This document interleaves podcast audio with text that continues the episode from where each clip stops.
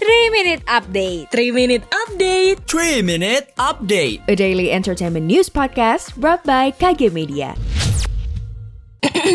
Tes? Oke. Aman nih kayaknya.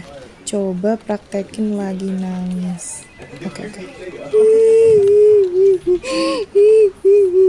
Enggak enggak enggak enggak. Kok gak cocok ya? Duh. Ngapain woi?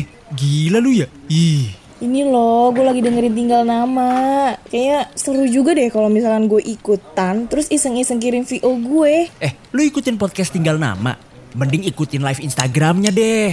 Di sana bakalan dikasih tahu di balik cerita kriminal tinggal nama. Menuju season 2 bareng Cahyo Widyasmoro redaksi Intisari. Caranya gampang, lu tinggal follow Instagram at Medio by KG Media dan at Intisari Online. Terus pantengin deh live Instagramnya. Ingat dan catat tanggalnya ya, di hari Jumat 4 Maret 2022 jam 7 malam. Oh iya, sampai lupa. Katanya tinggal nama lagi cari VO talent. Cocok tuh. Nah, buat kamu yang dengerin kita ngobrol dan yang mau ikutan juga sekaligus tertarik, kirim sampel voice kamu ya melalui email di podcast at kgmedia.id. Info lengkapnya ikutin aja live Instagramnya ya. Don't miss it!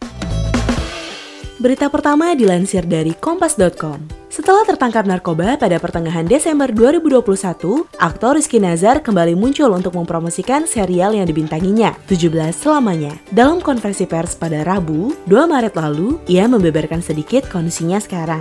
Rizky Nazar terlihat lebih segar dan ramah menyapa para awam media yang datang. Rizky mengaku senang bisa hadir bersama Syifa Haju dalam konversi pers serial produksi WTV original series itu.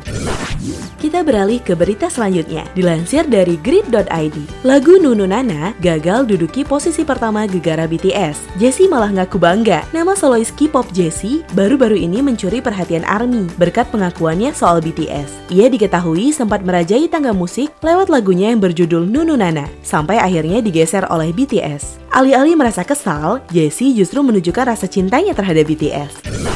Dan yang terakhir, dilansir dari high.grid.id, Sean Penn syuting film dokumenter di Ukraina tentang invasi Rusia. Aktor Sean Penn sedang berada di Ukraina untuk syuting film dokumenter tentang invasi Rusia. Ia terlihat muncul pada konferensi pers pemerintah Ukraina di Kiev untuk mendengarkan pejabat pemerintah berbicara tentang krisis tersebut. Menurut pernyataan yang dikeluarkan oleh kantor kepresidenan Ukraina di Facebook, Sean Penn telah berbicara dengan Wakil Perdana Menteri Irina Vereshchuk bersama dengan wartawan lokal dan anggota militer. Demikian 3 Minute Update hari ini. Saya Ais Handa pamit. Jangan lupa dengarkan update terbaru lainnya.